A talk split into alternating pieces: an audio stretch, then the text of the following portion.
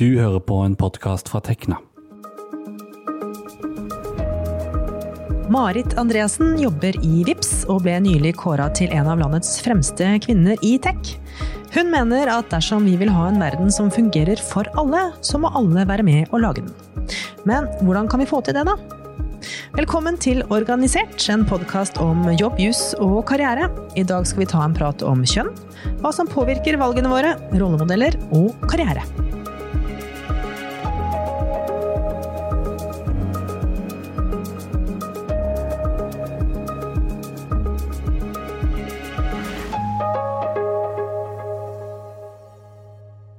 Siste fem åra har Abelia og Oda-nettverket kåra Norges fremste kvinner i teknologibransjen.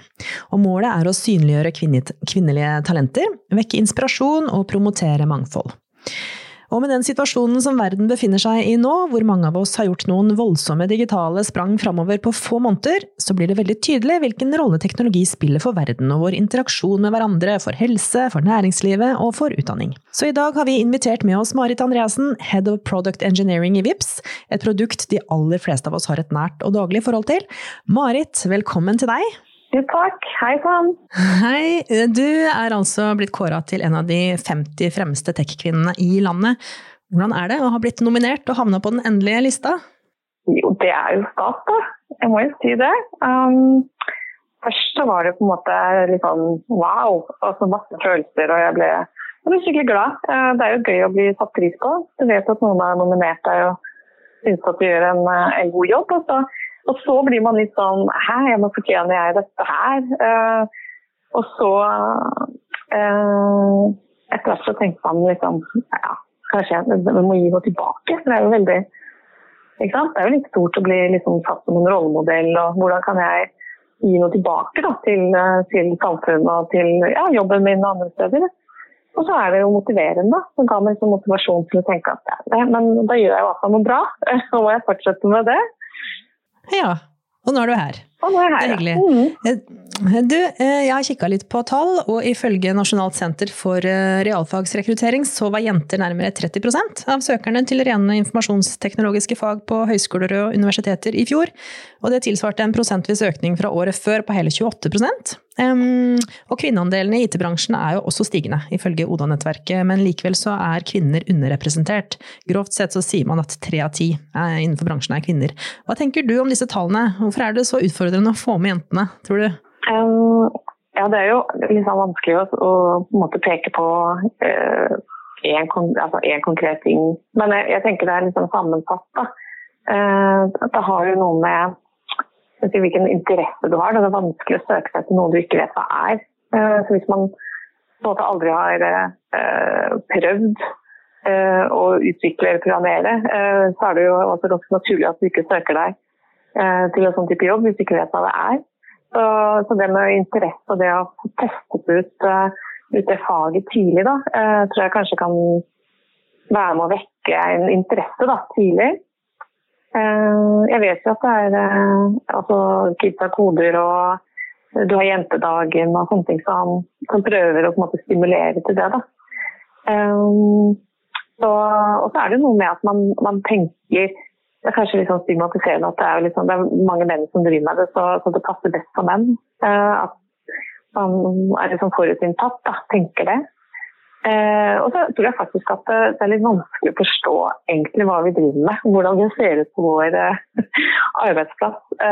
fordi det er, jo, det er jo ganske sånn Det er jo relativt nytt, da. Og, og litt sånn skjult, mye av det vi gjør. Vi er kanskje ikke så gode til å, til å snakke om hvordan Eh, vår arbeidshverdag typisk ser ut. Da. Det er mange som tenker at vi kanskje sitter og bare koder hele dagen foran en maskin og ikke snakke med mennesker og, øh, og sånne ting. Vi gjør ikke det, da? Sitter dere ikke bare og koder? Nei, vi gjør jo ikke det. ikke sant? Og, og vi skal jo lage eh, produkter og system for mennesker. Og, og, vi jobber jo i team, så vi jobber jo egentlig, jeg jobber jo først og fremst med mennesker, egentlig. Vi må jo forstå eh, brukerne våre, og vi må forstå hvilke problemer som finnes der ute. Og, og vi må samarbeide veldig godt uh, internt for å klare å, å lage dette sammen. Så det er veldig mye teamarbeid og um, mye kreativitet. da. Så det å sitte og kode og sånn, det er sånn folk elsker å, å gjøre. Og jeg syns man jeg kan nesten få for lite tid noen ganger. men, men det er veldig sammensatt, den jobben vi, vi, gjør. Da. Men hvordan var det du endte opp med, med denne interessen?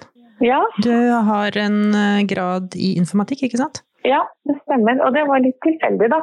Så, men jeg hadde jo på en måte en eh, Jeg hadde jo eh, rollemodeller her hjemme. Jeg hadde en far som eller både moren og faren min var studenter. ikke sant? Jeg gikk i studentbarnehage og jeg vokste opp rett ved siden av Brinderen her. Så det er uh, Det var liksom i kortene at jeg på en måte skulle ta høyere utdanning. Eh, og så har de hjulpet meg måte med å velge realfag den veien, for det var noe de hadde gjort selv. Så, så jeg fikk jo litt veiledning på en måte inn, inn mot realfag, men jeg hadde på en måte pekt ut biologi. da. Det var egentlig det jeg, derfor jeg startet på Blindern. Uh, men så viste det seg at da måtte jeg bruke alle somrene ute på ekskursjon istedenfor å ha ferie og, og sommerjobb og tjene penger. Så det, eh, så det eh, bestemte jeg meg for eh, å prøve noe annet. Og så tenkte jeg men det er jo lurt å kunne data. Så jeg hadde jo Jeg visste ikke hva jeg skulle hva jeg gikk inn på, da. Men det var jo Så det var veldig gøy, da. Fant det ut. Så etter et par uker så så begynte jeg liksom å få liksom, ordentlige oppgaver med programmering og koding. Og den følelsen, på en måte. Eh, den første programmet jeg lagde, var en kalkulator som kan legge sammen heltall. Så eh, det er jo på en måte ikke eh, en stor bragd, kan man tenke seg, men det var en kjempestor mestringsfølelse for meg å klare å beherske den maskinen. Så, så, det var et vendepunkt som gjorde at jeg tenkte nei, dette her var gøy, det vil jeg gjøre videre så ble det informatikk, da. Mm. Men du hadde rollemodeller hjemme. Var det noen andre utenfor hjemmet ditt som betydde noe for deg underveis i studier og sånn, eller? Var det noe nettverk for jenter der? Eh, det var jo litt sånn si, litt annen kultur enn det jeg var vant til. Fordi eh, det var eh, Altså Blindern eh, var også litt annerledes, syns jeg, da, enn det på en måte kom fra videregående. Hvor det var kanskje eh, ja, mer hva vi kan kalle det, uh, forskjellige typer folk. Da. Så kommer vi på realfag, så var man kanskje litt likere. Eller, um, men uh, samtidig så var det jo ja, uh, litt annerledes. Jeg synes det var Jeg møtte jo mange folk som Eller hva skal jeg si, en kultur jeg ikke kjente så godt til. Det, var, det er jo litt sånn Det var en del nerder. Og, og, og, det var også sånn når vi begynte noen av fagene, så sier foreleseren ja, dere har vel alle sammen loddet når dere var barn, og jeg visste, jeg visste ikke hva det var engang. Hele salen, ja, ikke sant? Hele, hele salen sitter og liksom koser seg og humrer sånn ja, ikke sant. Men uh, da var jeg litt sånn oi! Jeg følte jeg meg litt annerledes. Uh, så det var um, ikke sant? Det var jo Jeg fant jo folk som var ålreite der. Uh, og det er klart, jeg hadde jo en sånn jentegjeng i første årene som jeg møtte. Eh, og vi hadde mye fag sammen og, og gjorde gruppearbeid sammen og fulgte hverandre mye. da. Eh, det var liksom ett fast holdepunkt. Eh, og når vi kom på master, så syntes jeg at det på en måte åpnet seg en litt Og da møtte vi mange flere folk, da. Så, og de har jo god kontakt med ennå, det er jo 20 år siden. Så, så vi møtes fortsatt og har liksom, og, og sosiale ting. Så det er veldig ålreit. Mm. Men det var nok litt viktig da, å ha de der, den gruppa. Noen å føle seg trygge i. ja. Det, hvordan hadde det vært uten dem? Altså Hvis du ikke hadde truffet liksom noen som du kjente deg igjen i eller kunne henge med? Det er jo litt, litt vanskelig å si. Eh, fordi eh, kan du si at eh, det er jo lagt opp til mye gruppearbeid, og sånn, så det er jo på en måte sosialt eh, uansett. Eh, og jeg ja, hadde jo også et liv på en måte, utenfor Blindern. Men jeg kommer fra Oslo og hadde mange venner her fra før. Men uh, hadde jeg kommet utenfra, kunne det kanskje vært vanskeligere, da. Tror, det, kan jo være, det kan jo være at det er en del som hopper av fordi man ikke finner måte, helt sin eh, rolle, da, eller et miljø man syns man passer godt til. Du har jo blogga litt eh, om um, dette med kjønnsmangfold eh, tidligere, og der har du jo da um, skrevet om at hvis vi vil ha en verden som fungerer for alle, så må alle være med å lage den. Hvorfor mener du det? Jeg tenker at uh, vi alle må vi lære av hverandre. ikke sant? Og Vi har liksom ulike perspektiver og vi har ulike hverdager og ulike problemer i, i våre hverdager. Ikke sant? Så jeg er jo i dag på en måte mamma til to stykker som skal f.eks. lære seg bruken av penger. da. Eh, så for meg så liksom eh, så er det viktig for meg, da. Eh, mens for en gutt på 25 så har jeg kanskje ikke det perspektivet. da, ikke sant? Så så vi har forskjellige typer problemer vi må løse. Så jeg syns det er kjempeviktig at vi lager gode løsninger for barn, f.eks. Sånn at de også blir selvstendige, kan lære seg økonomi, og lære seg å låne. Og Nå tenker du på VIPS? Og betale til hverandre. Ja, ikke sant? Nå tenker jeg litt på VIPS, men, men dette gjelder jo egentlig alt. da. Eh, så, så, det der at man har litt sånn ulike bakgrunner og kan lære hverandre å løse måte, ulike problemer og motivere hverandre til det også. Det er veldig viktig. Mm. Så, og så er det jo også viktig for å bygge en god kultur da, at man har et mangfold eh, internt i bedriften. Hvis alle er like, så tenker ingen. eh, og, eh, så det der med å på en måte eh, si, eh, ha stor takhøyde og og, bygge en kultur hvor det er liksom greit å være seg selv. Da. Det tenker jeg er lettere i eh, en bedrift hvor man har større mangfold da, enn når alle er helt like. Men du er jo da head of product engineering i VIPS. Hva er det morsomste du gjør på jobb? Mm. Hva er liksom jobben din, og hva er det du trigges av der? Altså, um, det er jo veldig gøy å uh, få være med og sette retning, da. Eh, og liksom ja, eh, sette retning på hva vi skal uh, gjøre fremover. Uh, og det å være med å bygge en kultur. Uh, og så er jeg så heldig at jeg også på en måte er med å, å finne ut hvordan vi kan jobbe på best mulig måte. Så jeg jobber mye med si, det vi kaller way of work. Altså, hvordan jobbe smart sammen, hvordan skal vi organiseres, hvilke typer roller skal vi ha. Og jobber jo mye med rekruttering, og det er også veldig gøy å møte eh, og snakke med folk. Eh, så har jeg personalansvar, eh, og det er også veldig eh, artig eh, og motiverende. Eh, det er jo på en måte ja, lære masse selv av å, å lede andre. Men Sitter du og graver deg ned i noen kode sjøl lenger, eller? Nei, jeg gjør ikke det. Nei. det gjør jeg ikke.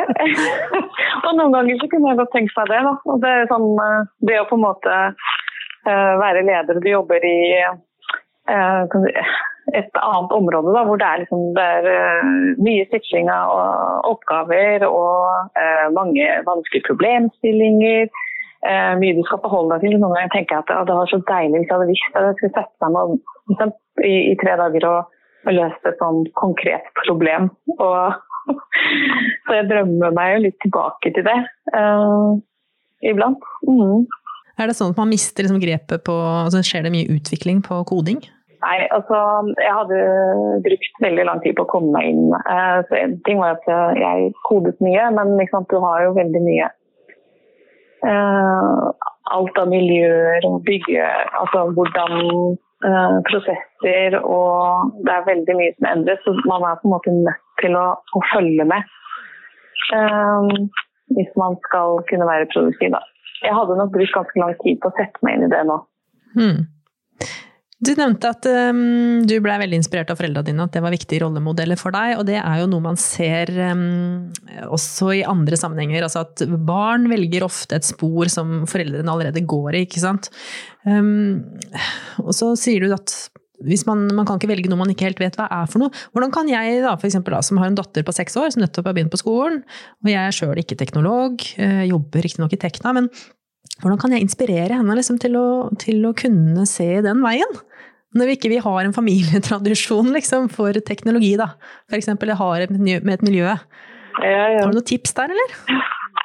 Ja, jeg tenker at eh, man må jo på en måte, man må få det til å teste ut dette her. Eh, man har jo eh, ulike sånne KISA-koder. eh, som man bare kan joine. Uh, og der også, som forelder, så lærer du jo litt uh, hvordan du kan gjøre dette. Du kan gjøre det selv, ikke sant. Sitte sammen med barnet ditt og, og lære dette selv. Uh, og det er også masse som ligger ute på nett, da, som kode bruker f.eks. Man kan også gjøre dette hjemme.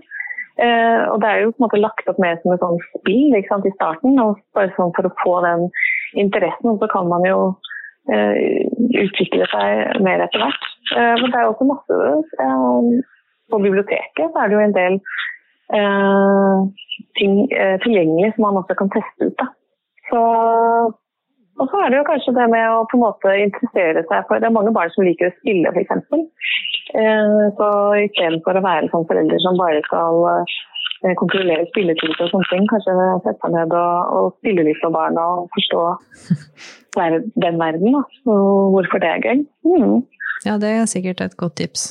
I tillegg til kåringen av de 50 mest talentfulle tech-kvinnene, så hedrer Oda-nettverket og Abelia også etablerte kvinnelige teknologiledere på en egen liste. Og på årets liste så var Teknas egen president Lise Lyngsnes Randeberg, og reporter Sondre Tallaksrud har tatt en prat med Lise. Jeg har jo opplevd som professor internasjonalt å komme på en konferanse og opplevd at alle henvendte seg til min mannlige stipendiat. For han måtte jo åpenbart være sjefen. Selv om det ikke alltid har gått på skinner for Lise Lyngsnes Rondeberg, som er president i Tekna, har hun stort sett blitt likestilt med sine mannlige kolleger i arbeidskarrieren. I år er hun på Abelias liste over etablerte kvinnelige ledere, og hun tror jo flere rollemodeller kvinner får, desto bedre blir det. Det er viktig at eh, vi som har gått foran og har oppnådd mye, at vi òg kan snakke om hva som er vanskelig med å nå opp at uh, vi kan vise at vi har smelt i veggen, vi har gått på trynet, vi har strøkket på eksamen. Uh, for å gjøre det litt mer menneskelig, da. Jeg fikk en e-post for en tid tilbake fra en student som hadde hørt meg snakke i første klasse, hvor jeg sa at jeg hadde som mål å ikke stryke i alle fagene det første året. Uh, og hvis jeg kom meg gjennom første semester uten å stryke, ja, da tok jeg ett semester til. Altså, jeg hadde ganske dårlig selvtillit og sleit da jeg starta på universitetet. Og den studenten hadde på en måte tatt vare på det utsagnet og tenkt likt og sagt ett semester av gangen, ett semester av gangen. Og så um, ikke sammenligne seg så mye med de andre, men fokusere på sine egne mål. Og nå fikk jeg da en e-post uh, fra henne om at nå har jeg fått drømmejobben. Det var det du sa til meg i første klasse som fikk meg gjennom studiet. Så den typen ting er utrolig viktig. Eh, sånn um, generelt, hvordan er situasjonen i Norge i dag, og hvilken vei peker pila? Altså, hvis, vi ser, hvis, vi ser, på Tekna, så har vi jo over 40 eh, kvinner blant de yngste medlemmene våre. Og vi ser det også på utdanninga, at uh, her går det riktig vei. Vi rekrutterer fra hele befolkninga. Vi trenger alle som har lyst til å studere teknologi og realfag, dem er det plass til. Kvinner, menn, whatever du definerer deg som, vi har plass til deg. Og, så det går i rett retning. Det som eh, er viktig, er jo at man også blir møtt på en god måte når du faktisk kommer ut i arbeidslivet. I din første jobb. Kanskje i en, eh, i en bedrift som er veldig mannsdominert, eller et felt som er veldig mannsdominert, så er det jo viktig at du får et godt første møte med arbeidslivet. At du blir tatt godt imot og finne på en måte din plass og bli respektert for fagligheten din. Er det, er det et spesielt yrke blant teknologiyrkene som uh, vi har kanskje en litt lengre vei å gå enn en de andre yrkene? Altså, statistikken uh, viser jo at det er noen felt som har hatt uh, større forskjeller enn andre. F.eks. så har det vært sånn innenfor IT. Der har jo søknadene til studiene virkelig snudd over de siste årene. Og, så kan jeg også si at vi, vi trenger flere ledere. Uh, vi trenger flere i toppstillingene i akademia.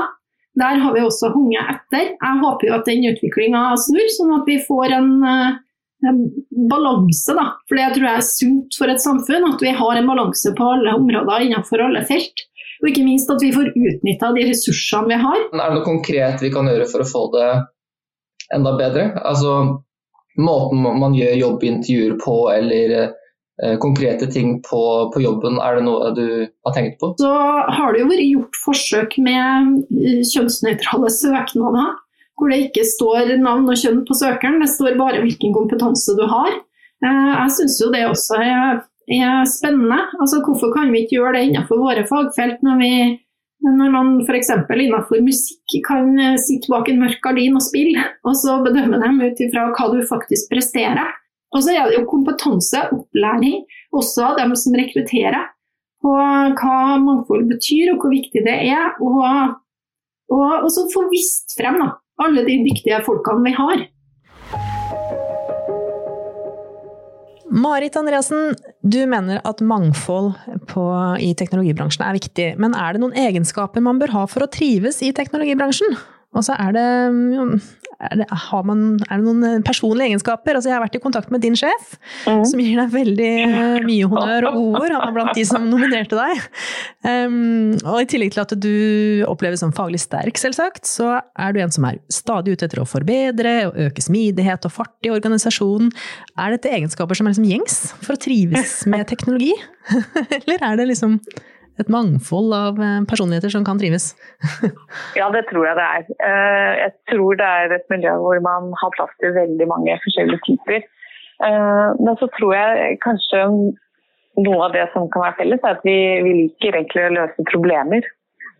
Vi er jo som problemløsere. Det er liksom den lille ingeniøren som er i alle oss.